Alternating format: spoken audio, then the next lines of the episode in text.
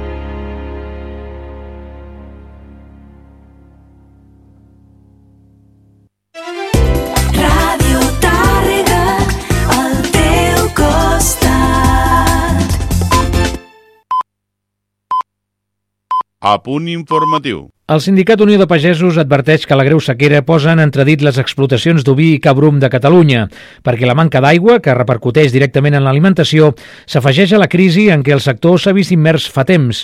Subratlla que el descens de consum de carn de xai i cabrit ha caigut un 57% a Catalunya en els darrers 15 anys, que no hi ha relleu generacional entre els pastors i que de mitjana d'ençà el 2018 un 5% de les explotacions del país han tancat.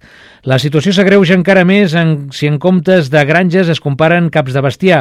El cens d'oví ha davallat en un 15% en 5 anys i tot i que el cabrum hagi augmentat en un 7,2%, la xifra global és molt distant, perquè ara mateix a Catalunya hi ha 500.000 caps d'oví per davant de 72.000 de cabrum, ha dit la responsable del sector d'Unió de Pagesos, Brigit Garolera.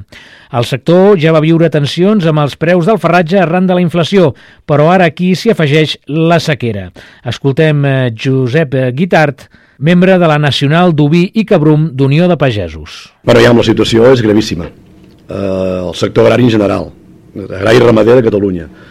La sequera és brutal, sense precedents, i el que està per venir. Eh, veiem com acabem. Ho hem explicat, eh, el, sector, el sector que avui toquem concretament, que és l'Ubi Cabrum, eh, està en, ara ja estava en perill, des de, anem, ja anem en, en reteniment d'aquests anys, és un sector que, que ja és difícil dins, dins el territori, però la sequera pot ser l'estacada l'estacada final perquè plegui moltes explotacions. En aquest moment. Per una banda, el sindicat subratlla que les pastures ja són seques com si fóssim a finals d'estiu i això fa que, en el cas de la ramaderia extensiva, molts pastors hagin hagut de començar a completar l'alimentació de les seves cabanes. Però, per altra, i això és el que realment preocupa, els preus dels ferratges s'han multiplicat i hi ha perill real de desabastiment. Garolera explica que, sense anar més lluny, el preu de la userda s'ha duplicat en el darrer any i mig. Si abans una tona costava 160 euros, ara es paga a 320.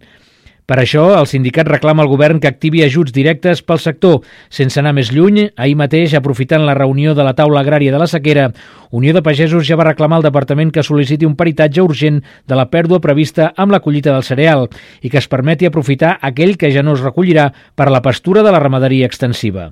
El responsable de ramaderia d'Unió de Pagesos, Jordi Armengol, però, fins i tot s'atreveix a parlar de la possibilitat d'intervenir als ferratges i, i quan parlem de desabastiment és que avui hi ha, hi ha, un, hi ha un problema real de desabastiment, no, no tenim capacitat de, de, trobar, de trobar farratge, eh? de trobar farratge eh? i després, a part de, de, de, de trobar el farratge, es pugui el pagar per l'activitat que nosaltres acabem generant amb el que l'administració en aquest cas ens haurà d'ajudar, hem vist com a França l'exèrcit repartís, eh, repartís farratge eh, a, a, les granges i ahir que teníem taula sectorial eh, mos vam atrevir a dir escolteu nois eh, al departament eh, potser haurem d'intervindre eh, el, el comerç de, o, o, eh, o les exportacions de farratge que no se'n vagin cap a l'exterior i que, i que vagin a, i que vagin a, a garantir la supervivència de la supervivència d'aquesta ramaderia extensiva o d'aquesta ramaderia del país crec que és un problema real avui l'amenaça no, no és una amenaça sinó que és una realitat tenim un problema de, de desabastiment i després un problema que, que seria el, el segon pas no? és com ho paguem això perquè clar, evidentment eh, quan treballem amb uns preus eh, que nosaltres diguem sempre que estan intervinguts evidentment nosaltres podem treballar, podem vendre la nostra carn eh, a un preu intervingut marcat eh, pel preu de, de les importacions eh, de, de, o dels aranjals que es posa la carn que ve de fora eh, però clar, si nosaltres anem a, a un mercat mundial de cereals i de ferratges a comprar algo que no podem pagar, doncs difícilment sobreviurem, no?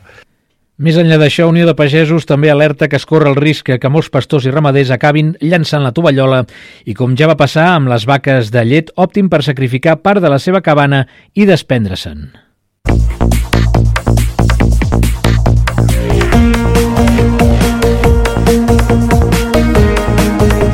Música, informació, la millor companyia. Tot ho tens a Ràdio Tàrrega.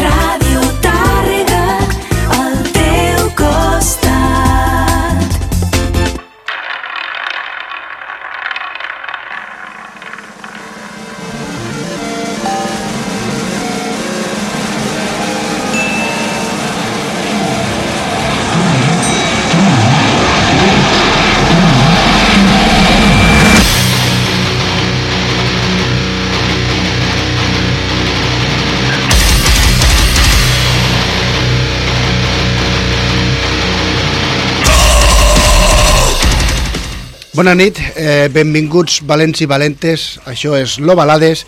I bé, si la setmana passada teníem l'especial Trastornats Metal Fest al Cafè del Teatre, eh, aquí van tindre l'estudi els Milford Mox i el Gunter Cooks i bueno, vam trucar per telèfon al senyor Edgar Toro, que és el baixista dels Reaction i Opar i per lo que sabem va ser una gran nit. I bueno, avui tenim un programa farcit de novetats i comencem el programa d'avui de la mà del nostre amic Pau Navarra de Bloodfire Dead i tinc a les meves mans eh, Sorrow Turns to Dust el primer treball discogràfic dels Unchosen Ones banda de metal melòdic formada l'any 2020 a Vigo i que l'any 2021 pues, va editar el seu primer EP, Kill the Night.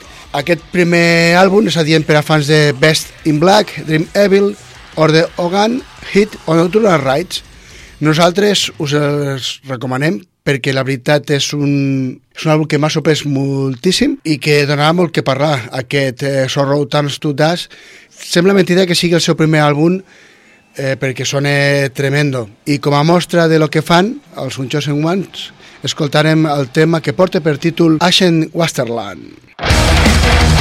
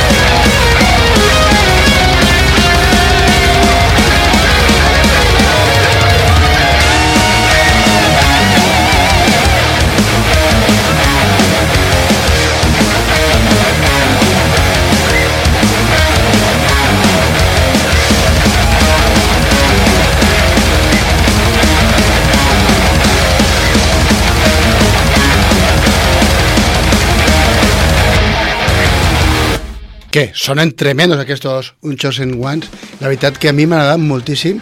És un heavy metal molt fresc, que entra molt bé i s'ho han currat moltíssim i és que sembla mentida que sigui el seu primer àlbum.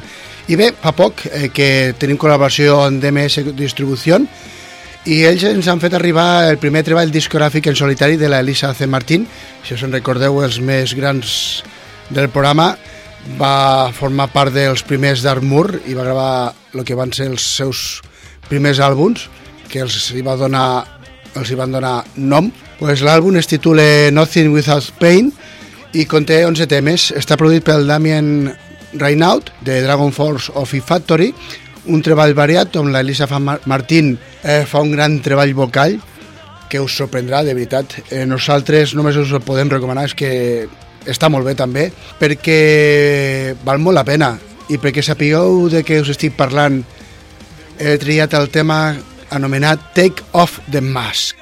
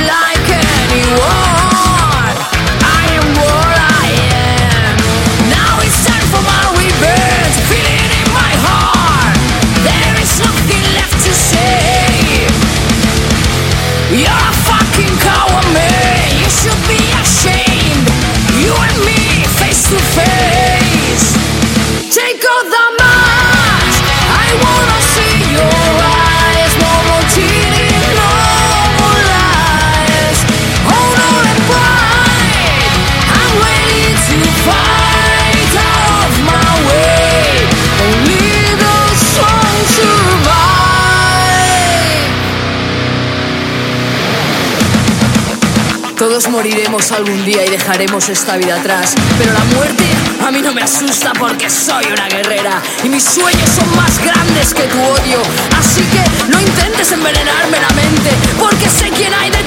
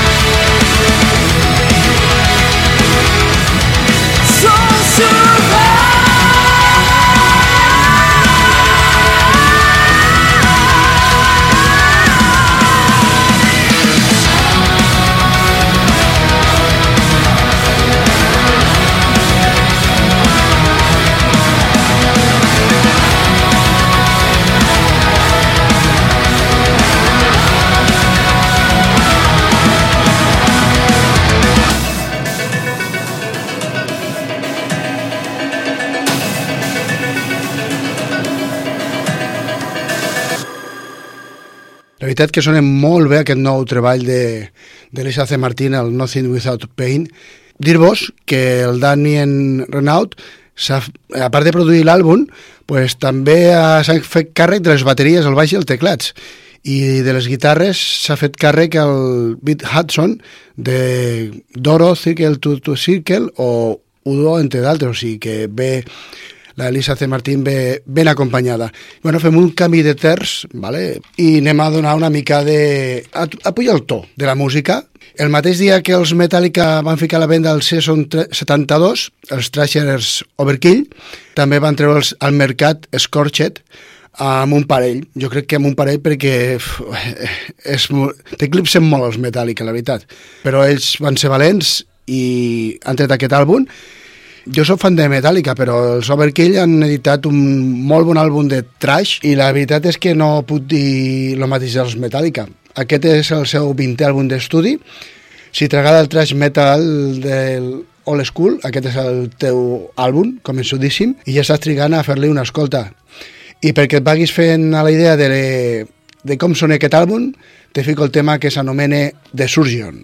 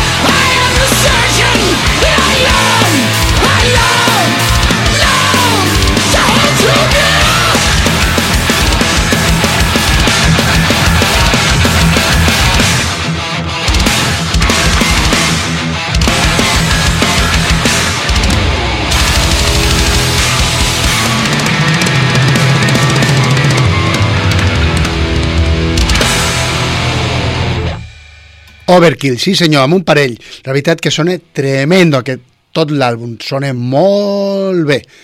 D'una banda anirem a una altra, però al mateix continent, però abans us vull dir que estem a Radio Tàrrega, al 92.3 de la FM, que si voleu tornar a escoltar el programa d'avui es fa la remissió el proper diumenge a la mateixa hora, a les 10, i si no podeu esperar perquè teniu moltes ganes, doncs el dijous a les nostres xarxes socials, Instagram, Facebook i Twitter, pengem l'enllaç del programa. I bé, crec que aquesta banda no ha sonat mai a l'Ovalades, i és un pecat, però avui li ficaré remei. Em refereixo a la banda de La Tierra, una banda formada per grans músics latins, Àlex González, de Maná, a la bateria i a les veus, Andrés Jiménez, de, de Mente i Animal, a les veus i a la guitarra, Andreas Kisser, de Sepultura, també a la guitarra i les veus, i el senyor Fabio, a, de los fabulosos Cadillacs, al baix i a les veus. Com podeu veure, hi ha molta qualitat en aquesta formació, doncs el passat 31 de març van ficar a la venda 3, un treball que recomano que escolteu ja, val molt la pena i com a mostra escoltarem Depredadores.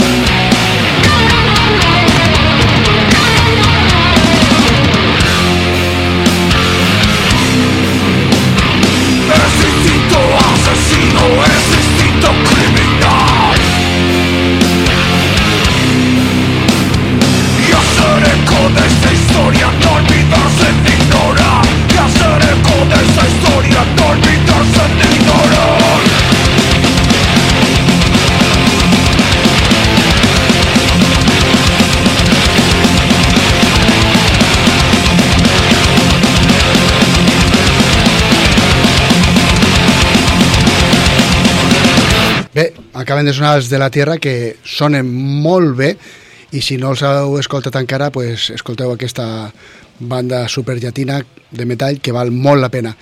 I bé, els amics d'Eventual Events Segrià ens han fet arribar el primer treball discogràfic dels Brainwasher, que porta per títol Introspección, i us el tinc que recomanar, sense dubtar, perquè sonen molt potents, barregen el trash amb el hardcore, i gràcies a Instagram es van ficar han contactat amb nosaltres i ens, fet, i ens han fet arribar aquesta introspecció que no puc deixar d'escoltar. Avui sonaran a l'Ovalades, però el proper 3 de maig tindrem aquí a l'estudi per parlar del passat, present i futur de la banda, però avui escoltarem la seva música, que val molt la pena, i si encara no saps qui són i no els has escoltat, ja, ja pots anar a, a YouTube o on vulguis, o a l'Spotify on vulguis, i, i fer-li una escolta. Jo, perquè vagis fent boca, ficaré el tema que es titule La sombra. Mm -hmm.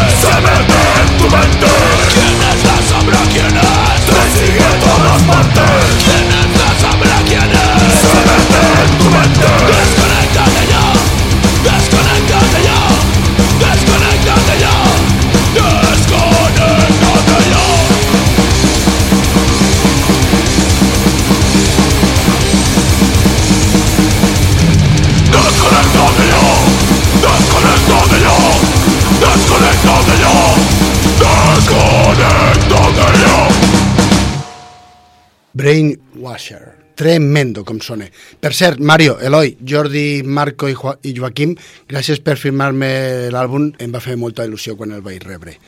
Parlarem la setmana que ve. Eh, ja que estem pujant l'otó de la música, proper 26 de maig veurà la llum el nou treball de discogràfic dels Immortal, que portarà per títol War Against All, i la veritat és que l'estic esperant en candeletes. Eh, el passat 20 d'abril es va editar un doble senzill, que a mi m'ha deixat amb ganes de molt més, i un dels temes que inclou és el que dona títol al seu àlbum i que tot seguit escoltarem, War Against All.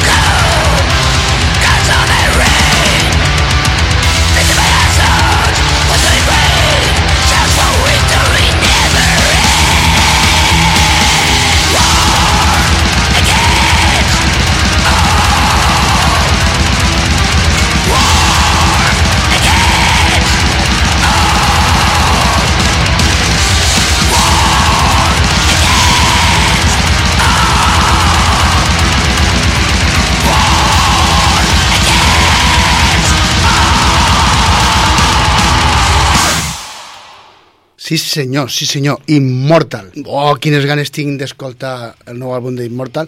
I la veritat que aquest tema em va recordar, i me recorda molt l'àlbum, als temes de l'àlbum Battle in the North, i, i després d'escoltar aquest tema el que vaig fer és anar i agafar el vinil i el vaig ficar al plat i, i va sonar una estona perquè em van vindre moltes ganes d'Immortal. No sé ni per on començar, però he retrasat el portar-vos 72 seasons dels Metallica. Eh, L'he escoltat sense cap prejudici i el primer que no m'agrada és la seva duració, que són 77 minuts.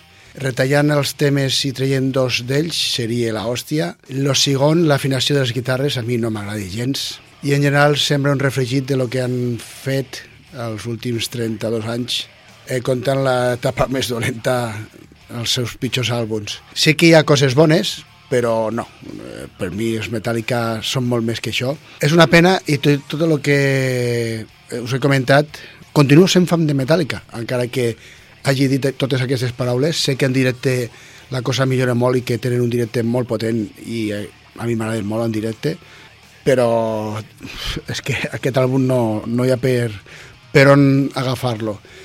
També sóc molt conscient de que no tornem a tindre uns Metallica dels seus primers quatre, quatre àlbums i no passa res, però per favor, que alguna persona per casualitat si treuen un, un següent àlbum després d'aquest eh, que els faci treu, veure que en 5 minuts es poden fer molts bons temes, que de fet hi ha temes d'aquest àlbum que si els retallem serien la pera. Com a curiositat també dir-vos que he llegit a la- premsa que aquest és el primer àlbum des de la Justice for All que arriba al número 1 al Billboard. O sigui, algo vol dir. I tampoc eh, els ha ajudat que s'hagin estat quasi 7 anys sense editar material nou.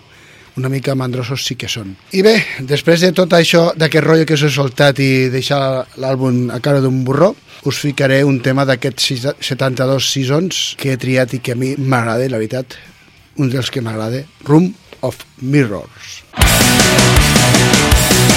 Thank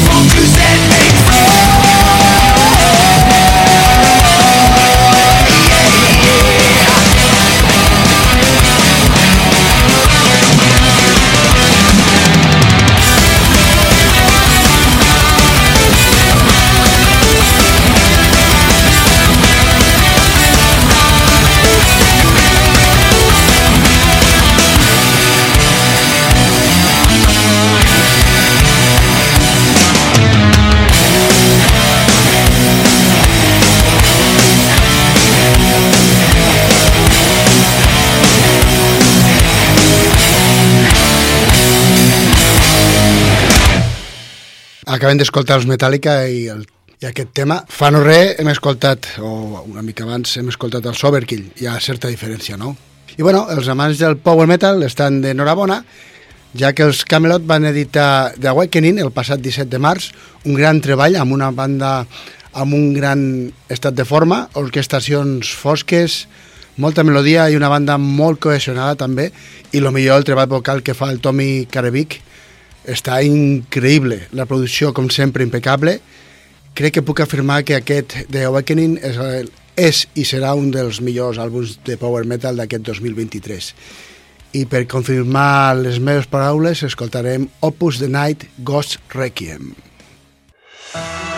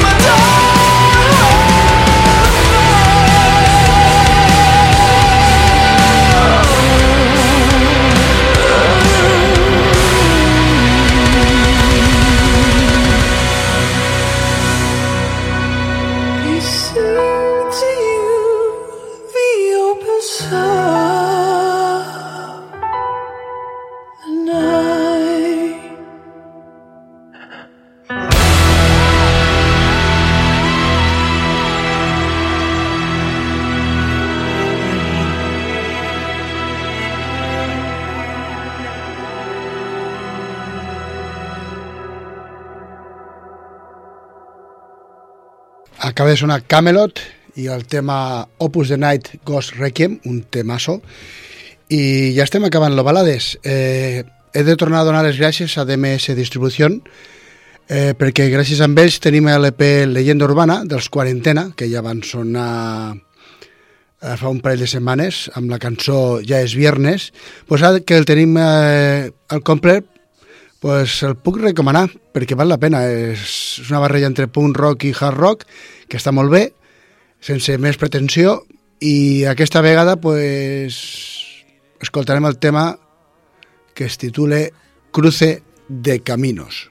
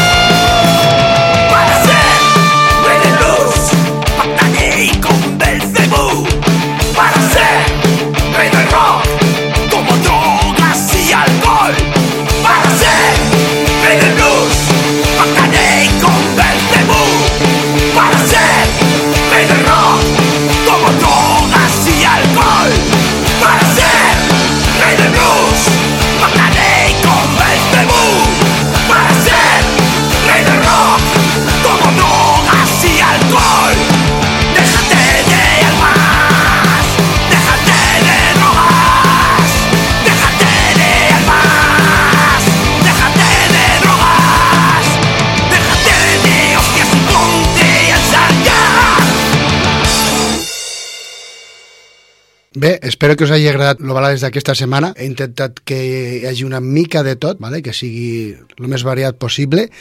I dir-vos que la setmana que ve tindrem el Brainwasher aquí al, a l'estudi, parlarem amb ells, farem entrevista. Només ens queda, pues, avui vull tancar el programa d'avui. Us he portat el nostre amic Javier Barrado, que el passat 24 de març va editar un nou senzill que crec que és la- l'avançala d'un nou treball que editarà aquest 2023 Y ve, us deixo amb el tema Todo irá mucho mejor de Javier Barrado i ens veiem la setmana que ve.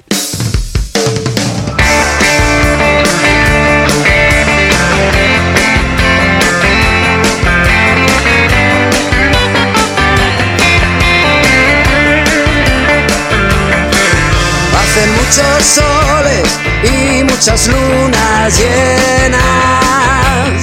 Hace tan que no puedo recordar. No estás en mi corazón, ya no corres por mis venas. No te quiero mentir, es tiempo de terminar. Haz lo que te parezca y no hagas nunca lo que hago yo.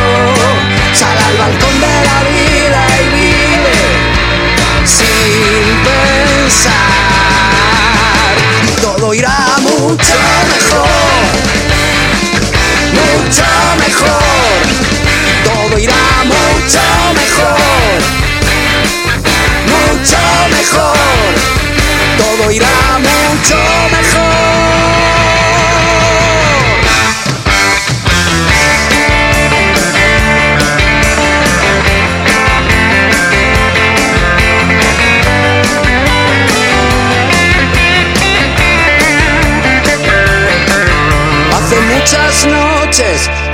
muchos días, nena.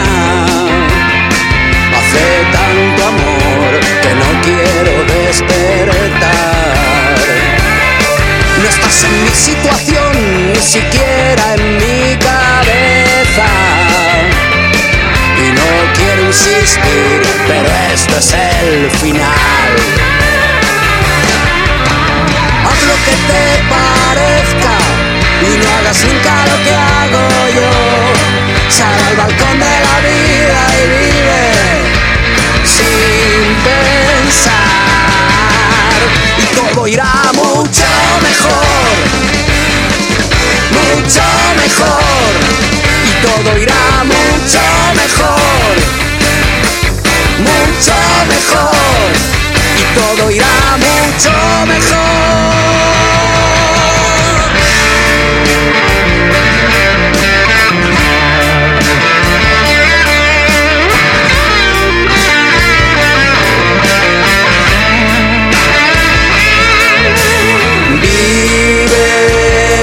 Sin pensar.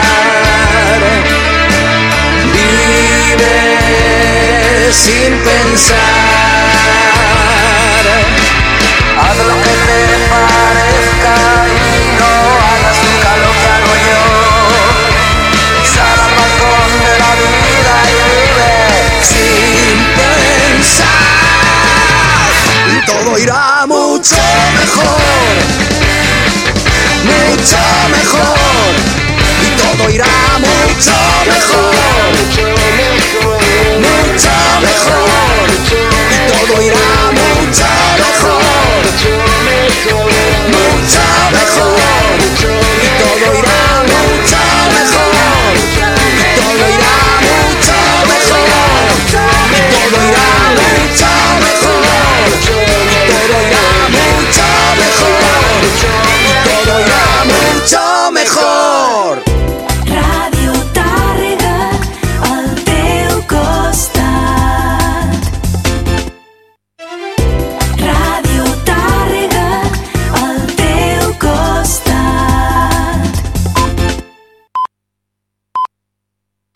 Punt informatiu. Aquest matí s'han publicat al butlletí oficial les candidatures presentades per a les eleccions municipals d'aquest pròxim 28 de maig. A la circumscripció de Tàrrega s'han presentat vuit candidatures que opten a l'alcaldia de l'Ajuntament targarí. L'actual alcaldessa, Alba Pijón Vallverdú, encapçala la llista d'Esquerra Republicana de Catalunya. Junts per Tàrrega, que en les passades eleccions va ser la força més votada, torna a apostar per Rosa Maria Perelló. Laia Requesens passa a ser la número 1 de la CUP.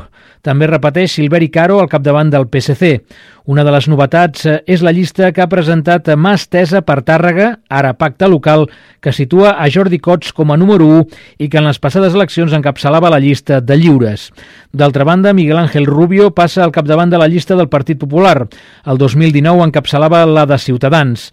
També és novetat la candidatura de Valents amb Rubén Vázquez de número 1 i que en les passades eleccions anava de número 3 a la llista de lliures.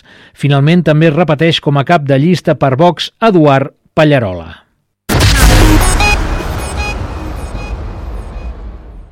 L'Ajuntament de Tàrrega va presentar ahir dimarts el desè volum de la col·lecció de llibres On són les dones targarines, en aquesta ocasió dedicat a l'escriptora Maria del Valle Macías González, nascuda a Écija l'any 1941 i establerta a la capital de l'Urgell des de principis dels 60. L'obra, editada per la Regidoria d'Igualtat, autorga visibilitat a la figura de Maria del Valle Macías González com a exemple de superació personal, ja que va aprendre a llegir i a escriure de gran quan es va inscriure a l'Escola d'Adults de Tàrrega. Arran del seu aprenentatge comença a escriure relats i ha acabat publicant fins a dos llibres, Històries de cada dia i El cariño és el silencio, dedicat al seu net Marc. Al igual que els lliuraments anteriors, la biografia veu la llum en forma de conte il·lustrat. La intenció és apropar didàcticament als infants el perfil de les dones ressenyades. En aquest cas, l'autora del text és Sònia Olivares Merino. Crec que poder escriure el conte de la vida de la Valle